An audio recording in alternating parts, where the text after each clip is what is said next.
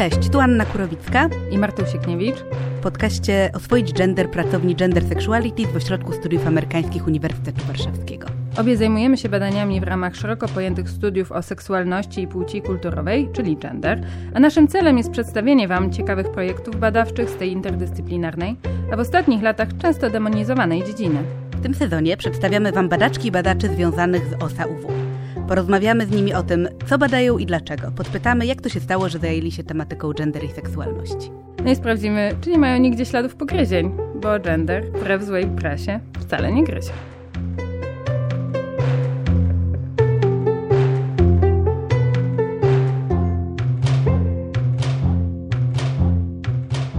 Nasze dzisiejsze gościnie to Agnieszka Graf i Elżbieta Korolczuk. Doktor habilitowana Agnieszka Graf, profesorka UW, pracuje w Ośrodku Studiów Amerykańskich, gdzie prowadzi kursy o literaturze, kulturze i feminizmie amerykańskim. Jest autorką wielu publikacji o polskim ruchu feministycznym i płci w życiu publicznym, zarówno naukowych, jak i popularnych, w tym zbioru esejów Świat bez kobiet, który obchodzi w tym roku 20. rocznicę wydania. Z tej okazji ukazała się jego nowa wersja. Doktor habilitowana Elżbieta Korolczuk jest adiunktką w Ośrodku Studiów Amerykańskich. Pracuje też na Uniwersytecie Södertorn w Sztokholmie. Zajmuje się ruchami społecznymi, ruchami obywatelskimi oraz tematyką gender i praw reprodukcyjnych. Jest autorką wielu artykułów i książek, w tym Matki i córki we współczesnej Polsce, wydanej w 2019 roku. Nasza dzisiejsza rozmowa dotyczyć będzie ich wspólnej książki pod tytułem Anti-Gender Politics in the Populist Moment, wydanej w tym roku przez Routledge. Książka ukazała się w otwartym dostępie, a niedługo spodziewamy się też wersji polskiej wydanej w krytyce politycznej. Zanim o książce, to chciałabym zapytać Was o Wasze drogi do gender. Czyli kiedy i w jaki sposób zaczęłyście zajmować się tą tematyką naukowo i zaczęłabym od Ciebie, Agnieszko. Bardzo słusznie, ponieważ Ela Korolczuk była moją studentką, więc jej droga do gender podejrzewam, że prowadzi trochę przeze mnie. A moja prowadzi przez Virginia Woolf. Ja na studiach przeczytałam Własny Pokój. Ta książka zrobiła na mnie ogromne wrażenie. Później zresztą po powrocie do Polski, bo studiowałam w Stanach, przełożyłam Własny Pokój na polski. I od Virginia Woolf przez zajęcia genderowe w Amherst College, a potem w Oxfordzie, gdzie studiowałam, no, doszłam do takiego swojego własnego feminizmu, który dość długo nie był akademicki. Ja po prostu, to był mój światopogląd, moja, moje też może źródło poczucia, że mam mam coś do zrobienia jako kobieta, bo ja byłam wychowana w takim przekonaniu, że umysł y, nie ma płci, ale to oczywiście u mnie, jak u wielu kobiet, powoduje pewien dyskomfort, y, że skoro umysł nie ma płci, a ja mam, no to może z tym umysłem u mnie jest nie tak. No więc feminizm mi tę sprawę wyjaśnił, ale bardzo długo y, uważałam się za Joyceologa, to znaczy specjalistką od Jamesa Joyce'a. A Virginia Woolf była takim moim wsparciem i, i tym, co tak naprawdę czytałam. I w pewnym momencie to się zbiegło. W czasie studiów doktoranckich trafiłam na seminarium seminarium profesor Ann Snitow, która jest taką legendarną postacią, niestety już nieżyjącą, inspiracją dla bardzo wielu polskich feministek. I pisząc doktorat napisałam Świat bez kobiet. I o moim doktoracie, który jest o Joyce, jest bardzo uczony, nikt nie pamięta i nikt go chyba nie czytał, oprócz mnie i moich recenzentów.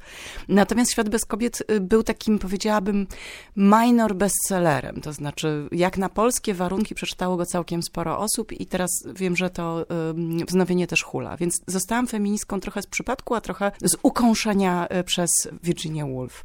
Oczywiście Świat bez kobiet był pierwszą feministyczną książką, którą ja przeczytałam. Ever, więc na pewno y, moja droga do gender też prowadzi przez e, Agnieszkę Graf. I moja również. Ja studiowałam 5 lat psychologii jeszcze w starym stylu i e, muszę powiedzieć, że dosyć się znudziłam tymi studiami. Zupełnie nie było to, to czego oczekiwałam. No i tak się zastanawiałam, co ze sobą zrobić, bo właściwie już pracowałam wtedy i trafiłam zupełnie przypadkowo na ofertę studiów w Ośrodku Studiów Amerykańskich.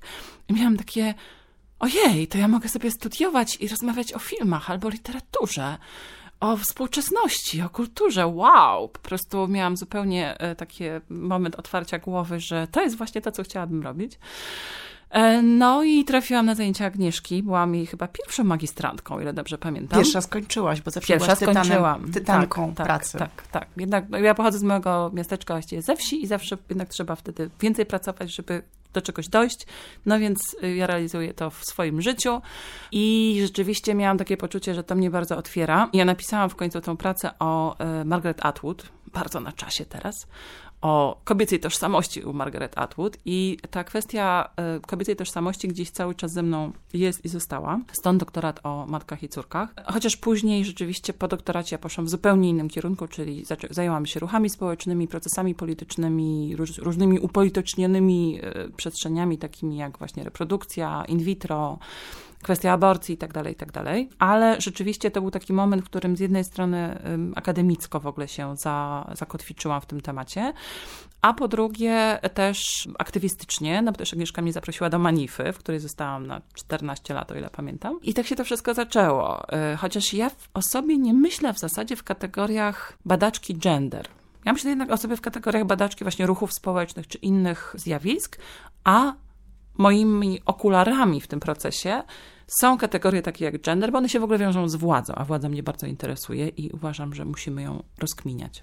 Myślę, że wiele z nas mogłoby coś podobnego powiedzieć, że gender to są okulary, ale to wcale nie jest takie oczywiste, żeby używać właśnie tych okularów. I też, no niestety, czasami naraża niektóre z nas na oskarżenia o to, że nasze badania są upolitycznione i e, nieobiektywne.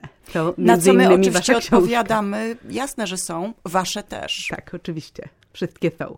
I teraz przechodząc do Waszej książki w takim razie, właśnie może rzeczywiście to jest dobry pomysł, żeby zacząć od zdefiniowania tych elementów tytułu książki, bo e, książka nazywa się Anti-Gender Politics in the Populist Moment, więc słowa kluczowe tutaj to jest antygender, który nie wiem jak na polski tłumaczycie. Antygender? Antygenderowe, tak. Rzeczywiście tak, tutaj poszłyśmy e, trochę po najmniejszej linii oporu, ale też to jest kwestia tego tak, takiego podejścia empatycznego trochę do tej sfery, którą badamy i tych, tych e, ruchów, e, bo to jest tak, że oczywiście my jesteśmy feministkami i zajmujemy się gender studies, studiami nad płcią i seksualnością, w związku z czym jesteśmy trochę osobami, które dla tego ruchu są właśnie strasznymi potworami, które chcą jakieś dziwne rzeczy robić i seksualizować dzieci i tak dalej. Ale też nasze podejście jest takie, że próbujemy zrozumieć, po pierwsze, jak to się dzieje, że kwestie związane właśnie z seksualnością, reprodukcją, nowymi formami rodziny, płcią i rolami płciowymi, dlaczego one budzą tak duże obawy,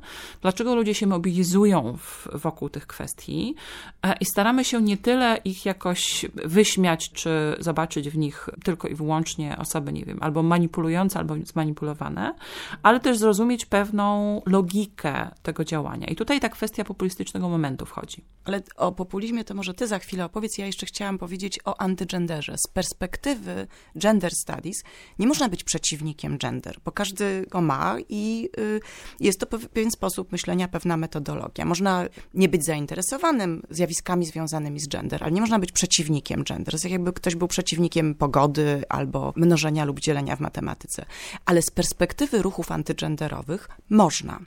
I my przyjęłyśmy, y, tak jak Ela mówi, optykę empatyczną, w tym sensie, że próbujemy od środka zrozumieć, jak to się stało, na jakim etapie, jaki był rozwój tych dyskursów, co one zastąpiły, jaką wcześniejszą formę y, sprzeciwu wobec równości płci, bo my uważamy, że istnieje po prostu, tak jak istnieje długa tradycja ruchów feministycznych, tak istnieje długa tradycja oporu przeciwko feminizmowi.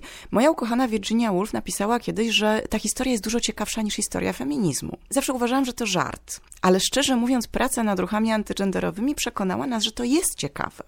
To jak na przykład cywilizacja śmierci, określenie ukute za pontyfikatu Jana Pawła II, powoli ustępowało miejsca właśnie najpierw dwóm rodzajom feminizmu. Był taki moment w latach 90., kiedy Watykan mówił o dobrym i złym feminizmie, mm, a potem okazało się, że zły jest gender, a feminizm w ogóle zniknął z pola debaty. Więc interesuje nas konserwatyzm genderowy, bo tak można by to nazwać z naszej perspektywy, ale on sam się nazywa wojną z gender, czy walką z gender, jako pewna struktura logiczna, jako pewna tradycja intelektualna, polityczna, która funkcjonuje w bardzo ścisłym splocie z partiami politycznymi, które w politologii nazywają się prawicowym populizmem.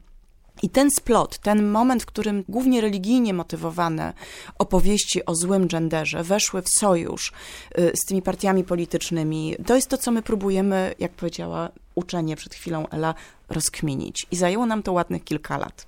Tak, pierwsze nasze właśnie wystąpienie na konferencji było w 2014 roku, sobie przypomniałam. A jeszcze o tym populistycznym momencie króciutko, bo populizm to jest takie słowo, które bardzo duży, zyskało, zyskało rozgłos w mediach, w debatach, do takiego stopnia, że już wiele osób uważa, że nie wie, co to znaczy. I to jest taki po prostu ta, taka fraza, która gdzieś tam sobie lata w przestrzeni i nic nie znaczy. I ja się z tym nie zgadzam, bo są różne tradycje, bardzo konkretne definiowania i badania populizmu. My na populizm patrzymy właśnie jako taką słabą ideologię, to znaczy taki projekt ideologiczny, w ramach którego dzielimy ludzi na elity i lud. To jest podział oparty na nie tylko podziale władzy, ale też kwestiach moralnych, to znaczy elity są niemoralne, lud jest uczciwy i tradycyjnie oczywiście zawsze w tym dyskursie nastawiony. I to jest taki moment e, kryzysu demokracji, ten moment populistyczny, tak jak go przedstawia na przykład Chantal Mouffe, to jest moment, w którym mamy pewien kryzys reprezentacji w demokracji, mamy poczucie, że pewien model liberal, liberalnej demokracji jest co najmniej zagrożony, albo on gdzieś się rozpada, gdzieś widać jego proces e, załamywania się, czy też w niewystarczającym stopniu odpowiada na potrzeby świata i ludzi. I to powoduje, że potrzebujemy pewnej debaty, ale też potrzebujemy sposobu na wyjście do przodu tak? Czyli to jest taki moment interregnum, moment pomiędzy, kiedy różne grupy mówią, to my jesteśmy ludem na przykład, tak? To my reprezentujemy demokrację, to my przedefiniujemy tą demokrację. I oczywiście w, w Polsce i w ogóle w Europie o wiele silniej widać prawicowy populizm, ale też są pewne jego wersje lewicowe i trochę też o tym piszemy w książce, że ta mobilizacja kobiet w 2016 i później w Polsce może być odczytywana jako populistyczny feminizm, dlatego że głównym elementem jest właśnie debata o tym, kto jest ludem, kto ma prawo do wypowiadania się w imieniu nas. Tak? I w tym układzie y, możemy mówić o populistycznym momencie i o tym, co z niego wynika. Bardzo mi się podoba ten wątek empatii wobec obiektów badań. Ja myślę, nie że... jest tożsama z sympatią. O, tak, i to, to jest myślę strasznie y, ważne, zwłaszcza, że bardzo często stawia się wszystko na takim ostrzu noża, prawda? Jakby w jakimś takim napięciu czy walce, która unieważnia możliwość zrozumienia drugiej strony czy innych osób o innym światopoglądzie, więc jako jakieś takie założenie metodologiczne, żeby mieć empatię i próbować zrozumieć, wydaje mi się to fantastyczne. Natomiast ja teraz chciałam zapytać, książka niebawem ukaże się po polsku, jest już dostępna po angielsku, więc może nie będzie wielkim spoilerem, jeśli bym was zapytała o to, jaka jest centralna teza waszej książki?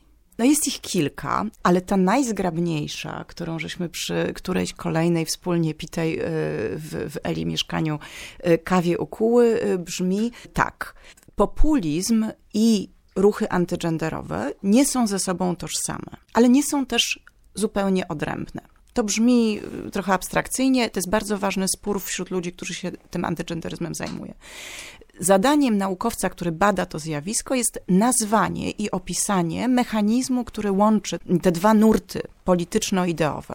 I my wymyśliłyśmy, jak to nazwać, i ta nazwa jest bardzo uczona, bardzo jestem z niej dumna. Y, mianowicie brzmi ona oportunistyczna synergia synergia, czyli pewna wspólnota, nie, niekoniecznie świadoma, niekoniecznie strategiczna, oportunistyczna, ponieważ wynika z y, specyficznie pojmowanych interesów obu stron. Innymi słowy, religijne ruchy antygenderowe, których zaraz sobie je wymienimy. One mają konkretne nazwy, to są networki, tam są duże pieniądze, tam są nazwiska. One są bardzo międzynarodowe i są bardzo religijne, chociaż niekoniecznie katolickie.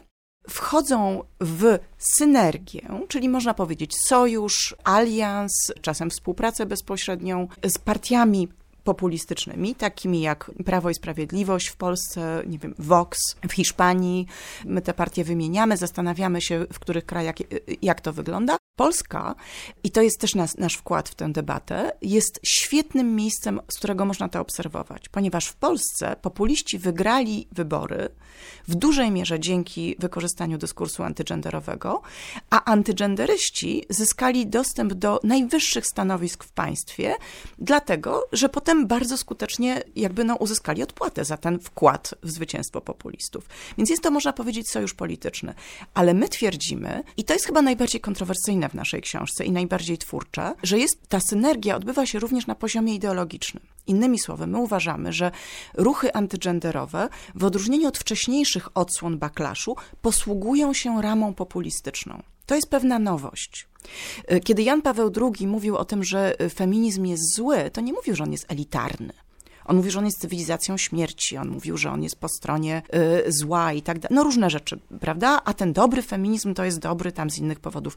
Ale nikomu nie przy, wtedy nie przychodziło do głowy w latach 80., które są szczytem tej, tego pierwszej, tej poprzedniej fali backlashu, mówić, że feminizm to jest ideologia elitarna, a antygenderyzm to właśnie mówi. On mówi, gender to jest dzieło międzynarodowych elit finansowych, ideologicznych. Innymi słowy, gender jest, jak twierdzą ruchy antygenderowe, pewnym projektem międzynarodowych elit służącym depopulacji. Depopulacji, ale też podporządkowaniu sobie ludu. I ten lud jest zawsze lokalny, zawsze dba o lokalne tradycje, a te elity są zawsze międzynarodowe, zawsze obce. Pewnie tutaj też pomaga fakt, że używamy angielsko brzmiących nazw. Gender, a nie antypłeć kulturowa. No tak, to... to... jest ciekawe, że y, po tej prawicowej stronie nawet próbowano na jakimś etapie wymawiać to słowo z obca, gender prawda? We Francji się mówi o tym, że ideologii du genre to jest taki amerykański wynalazek. W Polsce się sugeruje, że on jest niemiecki, nawiasem mówiąc dość często.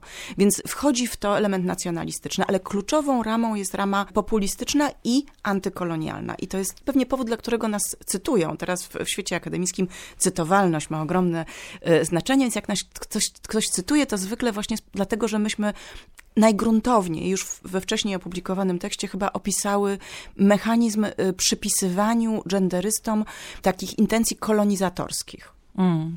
A drugim elementem naszej tezy jest to, że ten, nazwijmy to antygenderyzm, czyli ideologia i ruch, są formą konserwatywnego oporu wobec neoliberalizmu.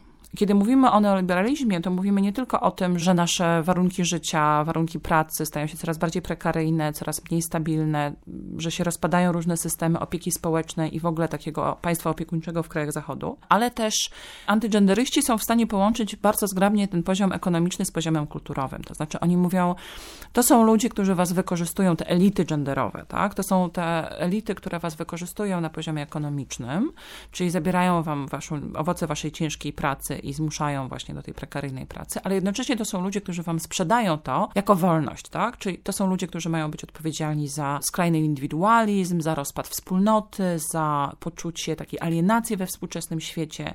Czyli oni są w stanie opowiedzieć to, co lewica nazwałaby po prostu neoliberalizmem w sferze kulturowej i ekonomicznej, jako trochę taką teorię spiskową tylko że ich, tak? Czyli oto weszły te elity i częścią tych elit są oczywiście e, e, feministki w tej wizji i, nie wiem, aktywiści LGBT i w tym opisie, który oni przedstawiają, ma to pewną spójność, tak? I oczywiście są tam elementy prawdy, to znaczy rzeczywiście jest tak, że e, projekty emancypacyjne, w tym feminizm, są bardzo łatwo przechwytywane przez rynek, tak? I się kończy na tym, że po prostu feminizm jest sprzedawaniem koszulek za 500 euro w Louis Vuitton czy tam gdzieś. Więc są elementy, które powodują, że oni mają w pewnym sensie rację.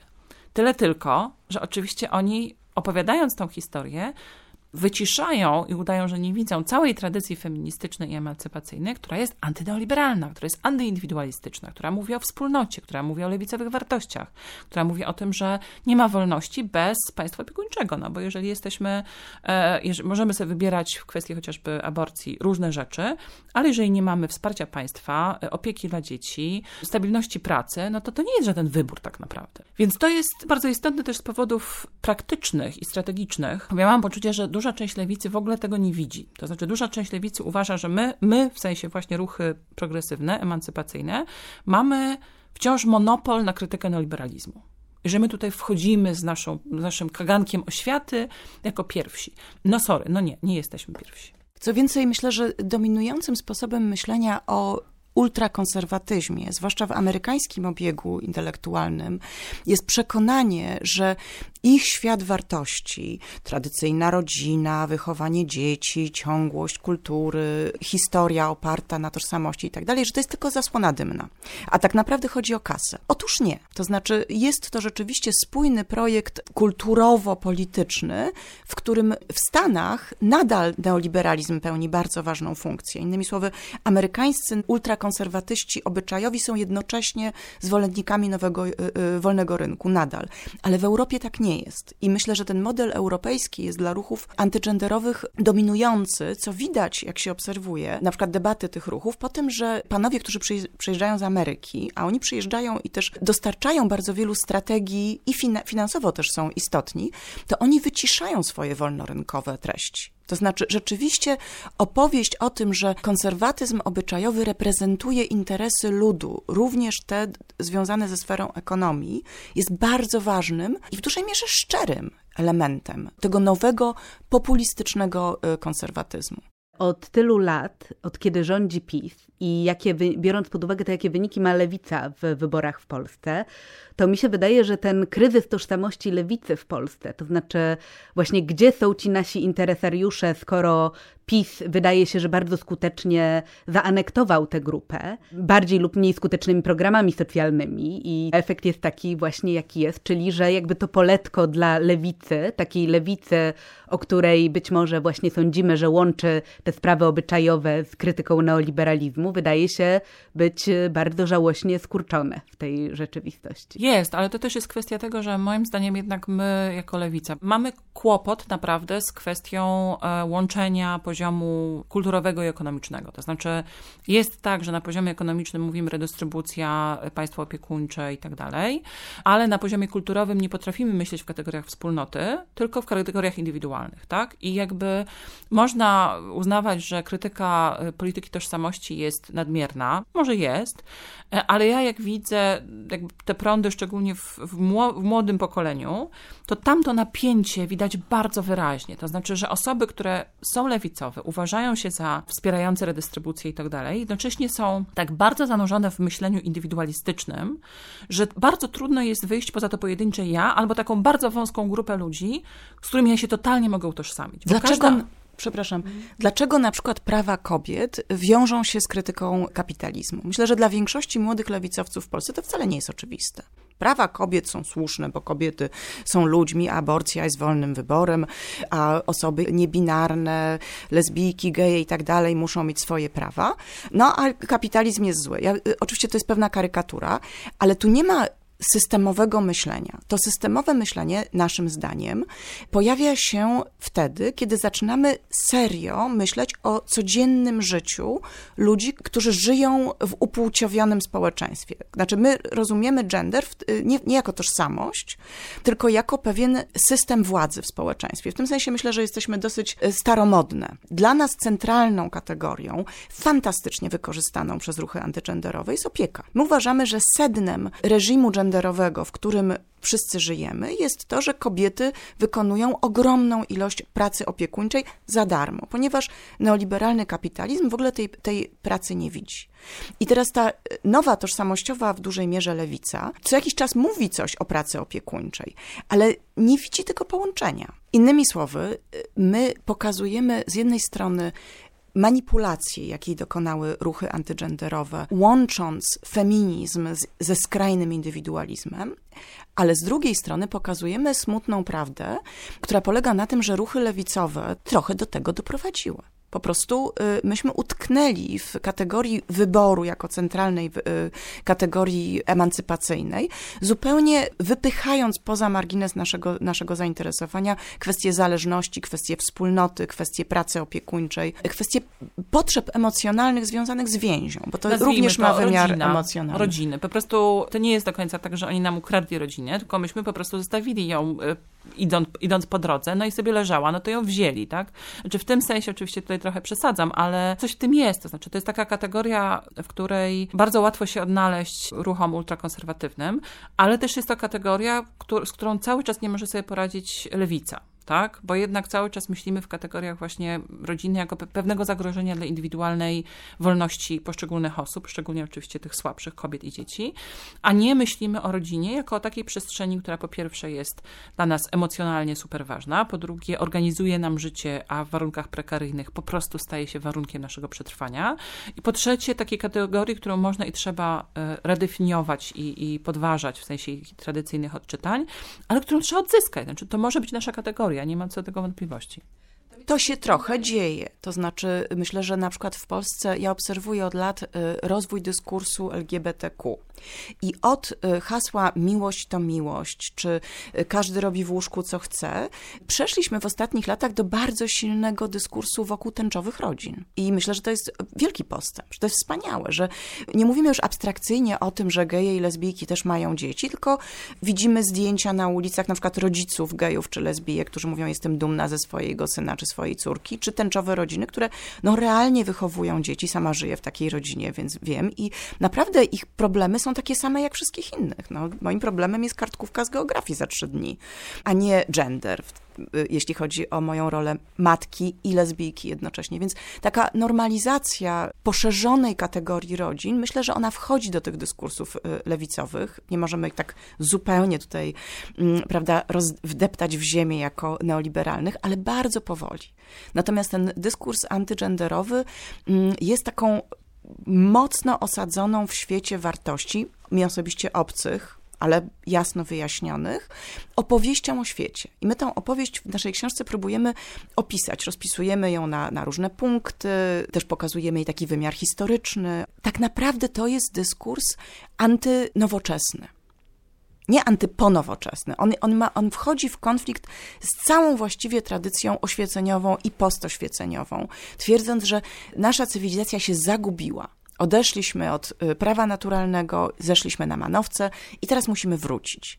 No i Światowy Kongres Rodzin wyjaśni nam, jak mamy wrócić mianowicie, tak? Albo gigantyczna organizacja o nazwie Traditio Familia Propriedade, y, której organizacją córką jest nasze Ordo Juris. To jest gigantyczne międzynarodowe środowisko, które ma swoje zjazdy, swoje fundusze, swoje wielkie strony internetowe. No i myśmy spędziły w tym świecie y, kilka lat i muszę powiedzieć, że gdybyśmy tego nie robiły razem, to mogłoby być słabo. Ja miałam swoje momenty kryzysu. To ja mam y, tak takie szybkie pytanie. W zasadzie częściowo na nie odpowiedziałyście, ale być może możemy coś doprecyzować. A później śmieszkowe pytanie. Więc zacznę od e, śmieszkowego pytania tyle czasu spędziłyście w tym środowisku, jakie wnioski strategiczne y, dla naszych, y, na naszej lewicowej przyszłości, w sensie, co przejmujemy, żeby skutecznie zmieniać świat na lepsze? Władzę. Natomiast... To krótka odpowiedź, władzę. Władzę. Dobra, no, mamy to, proszę Państwa. Natomiast y, to, co chciałam jeszcze tak bardziej troszeczkę podpytać, mówicie o dużych międzynarodowych organizacjach, bądź też organizacjach, które działały w sieciach międzynarodowych. Czy to znaczy, że te strategie strategie działania lokalne są uniwersalne, czy są do siebie podobne? Znaczy, jaki jest transfer wiedzy, transfer strategii między organizacją e, chrześcijańską w Stanach i ultrakatolickim Ordo Juris? Ja może zacznę od tego, że w Polsce i w wielu zresztą innych krajach jest taka tendencja do myślenia o społeczeństwie obywatelskim, czyli organizacjach pozarządowych, jako uniwersalnie progresywnych i liberalnych. Otóż tak nie jest. jest. Jeżeli patrzymy na społeczeństwo y, obywatelskie jako pewną formę organizacyjną, czyli właśnie fundacje, sieci, stowarzyszenia, no to one mają po prostu bardzo różne podejścia ideologiczne. I od zawsze były takie, które były konserwatywne, bardziej, mniej ultrakonserwatywne i tak dalej. Więc można traktować te organizacje jako po prostu część nieliberalnego społeczeństwa obywatelskiego, bo myślę, że one po prostu są przede wszystkim właśnie anty, antyliberalne. Po drugie, ta rola organizacji czy instytucji religijnych jest niewątpliwa, to znaczy Watykan był jest wciąż bardzo istotną instytucją. Tak samo jak do tego dołączyła stosunkowo niedawno cerkiew e, moskiewska i e, ewangelikanie, którzy zawsze byli ultra, ultrakonserwatywni. Natomiast e, w tej chwili po pierwsze te więzi są bardziej skomplikowane, czyli na przykład jak byłam w Weronie na Światowym Kongresie Rodzin w 2019, to było tam sporo przedstawicieli różnych religii, ale na przykład nie było reprezentanta Watykanu, bo, bo papież powiedział jakby popieramy wasze cele, ale nie popieramy środków, jakich używacie. Czyli nie chciał się za bardzo uwikłać politycznie. Tutaj są, tak samo jak w każdym innym obszarze, są różne sojusze, są różne organizacje, które walczą ze sobą o wpływy i tak dalej, i tak. Natomiast dużo z tych organizacji ma, no powiedziałabym właśnie dwie twarze, tak? Czyli Brian Brown, który jest reprezentantem Światowego Kongresu Rodzin i International Organization for Family w Stanach Zjednoczonych, zajmował się do tej pory i, i nadal próbuje przeciwdziałaniem równości małżeńskiej dla osób LGBTQ, tak? A kiedy przyjeżdża do Europy, to właśnie mówi o tym, że matki powinny mieć zapewnione dobre warunki do posiadania dzieci i należy na poziomie Unii Europejskiej walczyć o zabezpieczenie dla przykład rodzin osób z niepełnosprawnościami. To jest bardzo elastyczna strategia, w ramach której różne opowieści są przeznaczone na różny rynek, że tak powiem.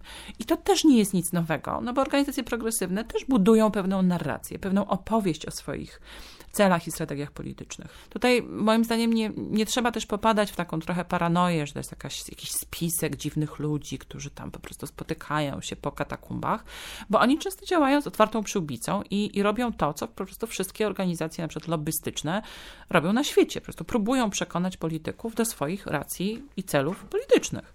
Natomiast to, co jest tutaj istotne, to to, że ta współpraca pomiędzy sferą polityki a organizacjami pozarządowymi, to jest moment, w którym należałoby się zastanowić nad, e, nad tym, czy wciąż jeszcze można mówić o społeczeństwie obywatelskim, bo te, w Polsce mamy do czynienia z sytuacją, w której organizacje takie jak Ordo Juris mają rzeczywiście bardzo duży wpływ i bardzo duże powiązania z politykami, w sytuacji, w której w ogóle kanały komunikacji, finansowania i tak dalej społeczeństwa obywatelskiego ze, ze strony państwa są zamykane. Co tak? więcej, media publiczne zostały przejęte przez tą antyliberalną władzę i są między innymi tubą propagandy antygenderowej. Myśmy zanalizowały dość szczegółowo taki niezwykle barwny przykład tego rodzaju propagandy. To był film Inwazja, który zresztą został zdjęty z kanałów dostępu w internecie, ponieważ pozew okazał się wyjątkowo skuteczny. Mm, I to właściwie była taka propa nienawistna propaganda przeciwko ruchom LGBT, oparta na y, kłamstwach, insynuacjach, ale przede wszystkim na mm, bardzo y, silnym takim przekazie emocjonalnym. Ja nie wiem, czy pa pamiętacie ten, ten film. On y, został wyprodukowany przez TVP i wypuszczony w eter y, w dzień przed wyborami, chyba prezydenckimi, jeśli dobrze pamiętam.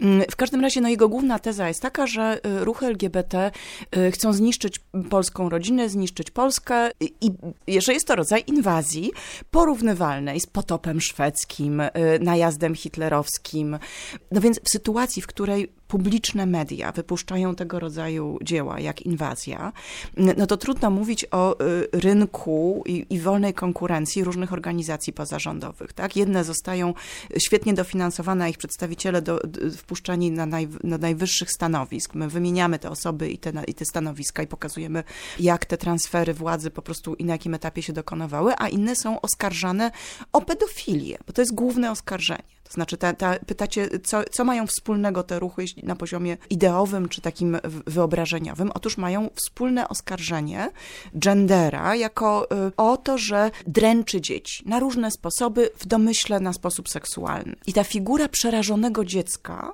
i bezradnych wobec jego cierpienia rodziców, którzy zostali oszukani przez państwo, jest, myślę, taką, podobnie jak oskarżenie to kolonialne, że to jest wszędzie. To się rzeczywiście, czy się y, czyta te strony internetowe brazylijskie, francuskie, Manifpuchtus, czy polskie, czy rosyjskie, to wszędzie to jest. Brońmy dzieci przed genderem. Zaczęłyście już mówić o swoim researchu, o swoich badaniach. Czy mogłybyście więcej powiedzieć o uczestnictwie w tych spotkaniach i o tym, jak ten proces odebrałyście, co wam to dało, albo co, jakie były tego koszty. Też to jest ciekawe w kontekście tego, od czego zaczęłyście, czyli tej jakby empatii. To jest też taka metoda badawcza, która siłą rzeczy, jak sobie wyobrażam, kiedy się obraca wśród y, tych samych osób i z nimi dużo rozmawia, to y, zmienia się jakoś y, ta percepcja. Myślę, że trochę przeceniasz ten element uczestniczący. Zwłaszcza Ela była na kilku takich wydarzeniach i na manifestacjach i może zaraz opowiesz o Weronie, ale głównie to myśmy uczestniczyły czytając teksty, słuchając też na YouTubie jest bardzo dużo tego materiału, wykładów tych pa pań i panów. No po prostu zanurzyłyśmy się w ten dyskurs antygenderowy. Ale opowieść o y, Elżbiecie Korolczuk w Weronie jest ciekawą opowieścią. Tak, ale to jest też ciekawe, bo ostatnio byłam na takiej konferencji w Frankfurcie z różnymi osobami, które się tym zajmują no i jak tak podliczyliśmy, ile osób od nas tam pojechało, to z tych 600 y, uczestników i uczestniczek, to myślę tak z 50 osób to były osoby, które tam po prostu uczestniczyły w celach naukowych, e, więc trochę im podbiliśmy y, obecność. Frekwencję. Ale tak, to jest bardzo ciekawe, bo to jest właśnie taki moment, w którym się przeplata polityka i taka rzeczywiście poważna polityka, w której już gry są tak o, o, o władzę, o wygraną w wyborach, o ważne pieniądze, o, o wpływy, o media. I w momencie, kiedy się wchodzi w to jako badaczka, to myślę, że naprawdę trzeba bardzo uważać, żeby zachować swoją pozycję osoby, która chce się czegoś dowiedzieć, a nie tylko potwierdzić jakieś z góry przyjęte założenia. Ale jednocześnie myślę, że jest takie poczucie, że wkraczasz na, na teren, który jest ci obcy tak? To znaczy, że... Kulturowo obcy, prawda? Nie tylko politycznie. Kulturowo obcy, ale też w takim sensie, że tam są momenty, w których właśnie, nie wiem, mówi się o tym, że powinno się zlikwidować zupełnie prawo do aborcji, no i cała sala jest y, rozentuzjazmowana i, i jest właśnie, wszyscy klaszczą i tak dalej, no a ty tak siedzisz i nie wiesz, czy czy klaskać, no bo jesteś tu, no może nie pod przykrywką, no ale jednak jesteś tutaj obcym ciałem w tym gronie. E, no ale oczywiście nie ma to sensu, no bo wiadomo, że jesteś tym obcym ciałem i nie ma co udawać, że, że jesteś częścią tej, tej grupy.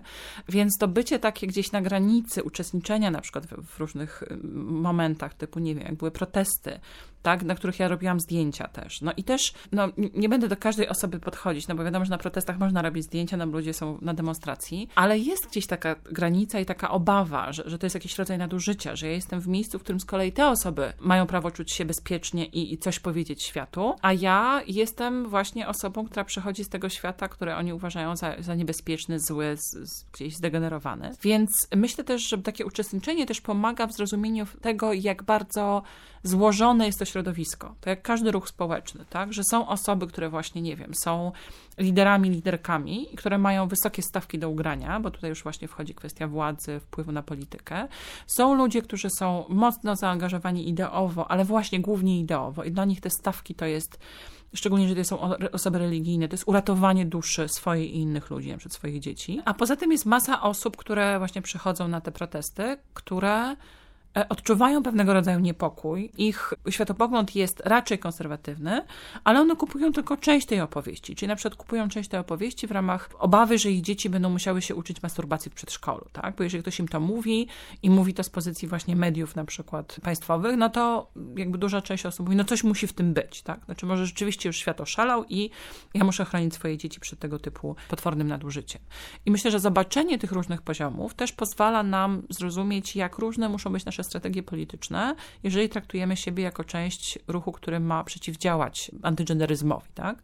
Czy że zupełnie inny sposób podejścia i komunikat powinien iść do tych osób, które właśnie się boją o swoje dzieci po prostu, a przy okazji mają powód, bo się mm, system edukacji rozpada, więc jakby jest dużo powodów do lęku, a zupełnie innego typu strategie będą właśnie z, ze specjalistycznymi organizacjami, bardzo zbiurokratyzowanymi, potężnymi, które chcą działać y, lobbystycznie na poziomie na przykład Unii Europejskiej. Tak, tak dlatego my unikamy sformułowania wojna. Wojna kulturowa, wojna z gender, to jest wojna.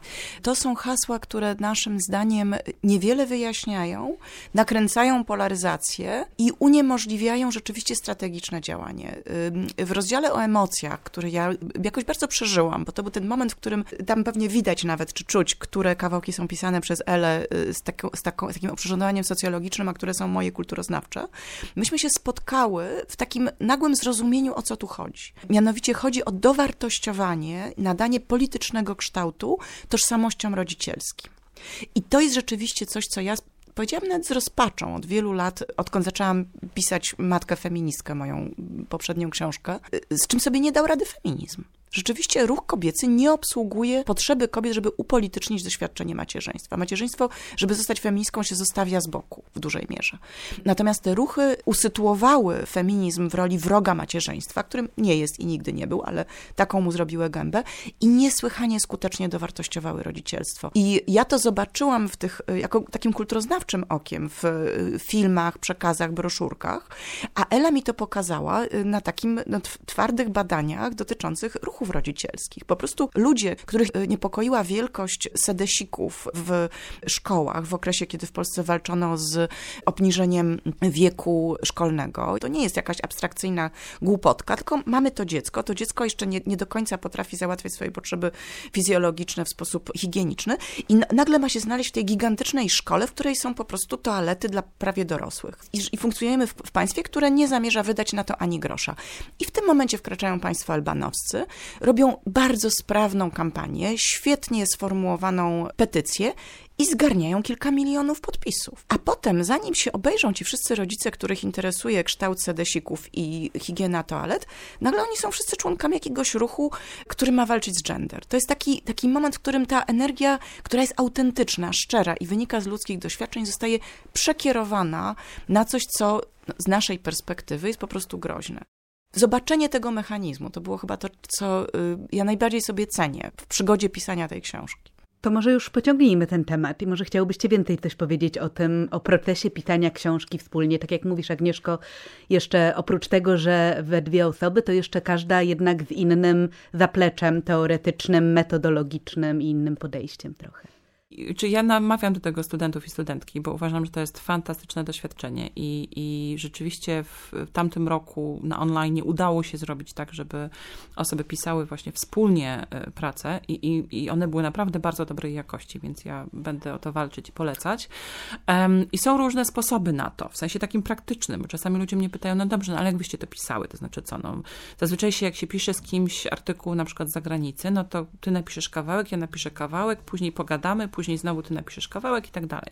Tutaj myśmy pracowały naprawdę razem, to znaczy myśmy się umawiały, albo siedziałyśmy w, właśnie u mnie, albo u Agnieszki, albo później na online też e, i razem pisałyśmy. To było fantastyczne, bo e, ja sobie uświadomiłam, że, że naprawdę z kolei ta książka jest wynikiem synergii naszej. Nie sądzę, żeby któraś z nas mogła ją napisać sama. Pewnie mogłybyśmy, tylko to byłaby zupełnie inna książka. A to połączenie i perspektyw, i dyscyplin, i takie momenty, w których... Tak... Padałyśmy razem na pomysł. I rzeczywiście już następnego dnia nie było wiadomo, czy to był pomysł. Znaczy, to było tak, że rzeczywiście jakby jest jakaś myśl, ona jest, przechodzi prze, przez nasze umysły, zaczynamy o tym gadać, zaczynamy to formułować i jakby, aha, okej, okay, dobra, to ona już jest, tak? Wiadomo, że jak się pisze książkę czy jakikolwiek tekst, y, to często studenci i studenci jakby nie widzą tego, że później jak już się napisze, to dopiero zaczyna się proces, tak? Czyli trzeba to przerobić, trzeba to się zastanowić, trzeba to dać do recenzji, ktoś ci mówi lepiej, gorzej to działa, to nie działa, wracasz do tego, później jest etap redakcji i tak dalej, więc cały ten proces pisania jest drogą przez mękę. Ale ten początkowy moment, tego spark, tak, tego takiego, takich momentów, w których o, coś się pojawia, to uważam, że naprawdę jak się pracuje nad tym dwie osoby i jak się już wejdzie w ten rodzaj myślenia wspólnotowego, powiedziałabym, to też jakby opcja właśnie, żeby nie myśleć tylko i wyłącznie indywidualistycznie, ale wspólnotowo. I też to jest ciekawa kategoria, w, jak myślimy sobie o akademii i o własności intelektualnej tak? To znaczy my myślimy o, tych, o tym, że ktoś coś wymyślił, tak? No, I wtedy jest, a która z was wymyśliła to? No nie, no żadna z nas nie wymyśliła tego, wymyśliłyśmy to wspólnie. A, I myślę, że to też jest jakiś rodzaj mm, dyskusji, którą fajnie by było odbyć w akademii, to znaczy na ile to, co robimy jest rzeczywiście indywidualistycznym, takim indywidualnym dziełem po prostu pojedynczego geniuszu, a na ile jest procesem rozmowy, tak? Procesu, procesem rozmowy z osobami, które były przedtem, z osobami, które teraz funkcjonują, z którymi się zgadzamy, nie zgadzamy, a my chyba to gdzieś doprowadziłyśmy na taki kolejny poziom, to znaczy rzeczywiście współmyślenia i współpisania. Jeszcze dodam, że y, znaczna część naszej pracy odbywała się w czasie pandemii. To nie był wesoły czas w niczyim życiu, ale y, myślę, że w życiu akademików był szczególnie ciężki. Nie sądzę, że bez tej motywacji, bez wspólnego grafiku spotkań, ja bym w ogóle w tym okresie cokolwiek napisała. To po prostu y, mnie ratowało, to, że myśmy miały swój rytm pracy i też to jest taka rzecz, której się od Eli nauczyłam, dbałyśmy o siebie. Znaczy zaczynałyśmy od dobrego śniadanka, od pysznej kawy, od sprawdzenia, czy się dobrze czujemy, no to co się teraz nazywa self-care, żeśmy uprawiały w takiej właśnie też zbiorowej wersji, więc y, to, to było bardzo ciekawe doświadczenie również, powiedziałabym, siostrzeństwa, nie tylko współmyślenia, ale też po prostu przetrwania razem trudnych czasów. Oprócz tego, że wszystkim osobom słuchającym polecamy zapoznanie się bądź z angielską albo polską wersją waszej książki. Pod tytułem Kto się boi gender? Kto się boi gender? No nie my, nie. Już nie my. Jak już ustaliłyśmy, nie my. My się nie boimy i nie ma śladów pogryzień. Ale chciałabym was teraz zapytać o genderowe albo queerowe polecanki. To znaczy jakiś naukowy lub nienaukowy tekst, z którym nasze słuchaczki mogłyby się zapoznać. Jedna rzecz, o którą prosimy, to żeby to było coś w jakiś sposób dostępne w Polsce w miarę szerokiej publiczności. No jak to co? No counterpoints, tylko to jest po angielsku oczywiście e, i to jest wspaniała osoba, z którą Agnieszka mnie zapoznała. Widzę, że kiwacie głowami, tego nie słyszą osoby słuchające. Contrapoints. Tak. A, ja, a ja właśnie zawsze mówię counterpoints. Tak. tak. No to, to dobrze, że jesteśmy we dwie, no bo bym opowiedziała jakieś kłopoty. Natalie Wynn. Tak, dokładnie. I to jest fantastyczna e, osoba, która łączy właściwie taką rozrywkową opcję. No tam się przebiera i robi różne fajne rzeczy i robi makijaże i tak dalej. Znaczy to jest trans kobieta, może trzeba od tak, razu tak. powiedzieć, w czym ja się wcale od razu nie połapałam. I opowiada o opowiada teorię genderową tak naprawdę, teorię queer i gender, takich półgodzinnych odcinkach, ale to ona właśnie też jest bardzo empatyczna, bo ona no, właśnie pochyla się, to jest takie teraz złe słowo, ale empatycznie rozkminia, rozkminia na przykład facetów, tak? Białych, heteroseksualnych facetów i mówi... Jordana Petersona e, po tak, prostu zrobiła fantastycznie. Go, tak, jak ona po prostu w tej wannie tam siedzi z tym Jordanem Petersonem. Słuchajcie, no musicie obejrzeć, bo, bo inaczej to nie będziemy tutaj opowiadać wszystkich szczegółów, ale jest to fantastyczna rzecz, naprawdę. To ja bym jeszcze chciała dwie rzeczy pod, pod, podpowiedzieć, takie bardziej może spokojnie spokojniejsze w przekazie. Pierwsza to by była y, Mrs. America. To jest wspaniały serial y, poświęcony poprzedniej odsłonie tego zjawiska, o którym my teraz piszemy, czyli y, wielkiej wojnie między konserwatyzmem obyczajowym uosobionym przez Phyllis Schlafly, a feminizmem, którego główną twarzą w tej epoce była Gloria Steinem. Fantastycznie zagrane, świetnie pokazane. No ja mam pewne wątpliwości wobec tego, jak zostały pokazane feministki, ale no to chyba zawsze feministki mają problem ze swoim, swoją medialną twarzą. Mam wrażenie, że trochę są tam infantylne i że twórcy tego serialu byli zafascynowani Phyllis Schlafly, ale to też jest wartość. To jest serial skierowany do, powiedziałabym, feminizującego, liberalnego odbiorcy, który jest ciekawy i nigdy tak naprawdę nie wszedł w świat tego konserwatyzmu obyczajowego. To jest trochę ten ruch, który my wykonujemy w naszej książce.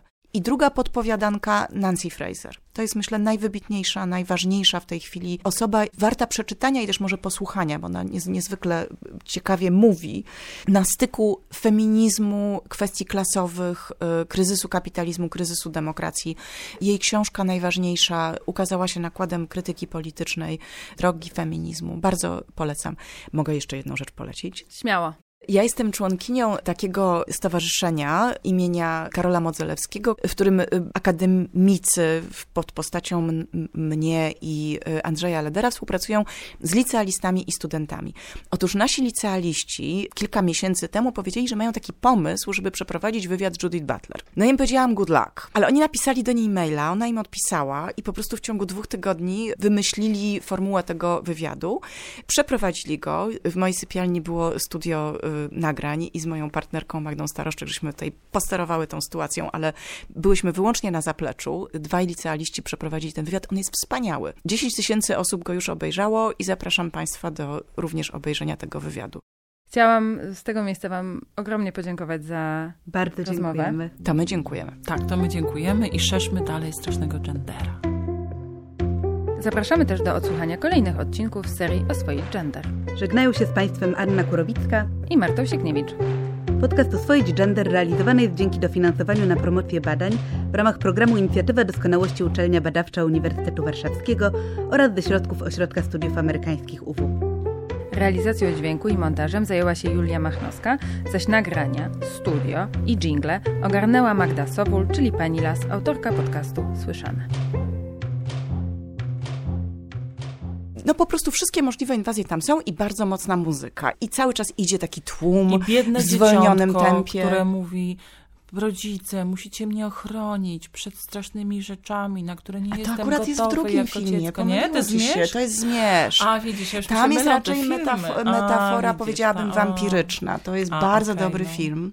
E, to znaczy bardzo taki, no zły, ale wspaniały w swojej demoniczności film, którego plakat mam nadzieję, że uda nam się zamieścić w książce. Jeszcze czekamy, czy uda się prawa załatwić. No tam gender Straszne jest oczy. przedstawiony jako coś w rodzaju wilkołaka.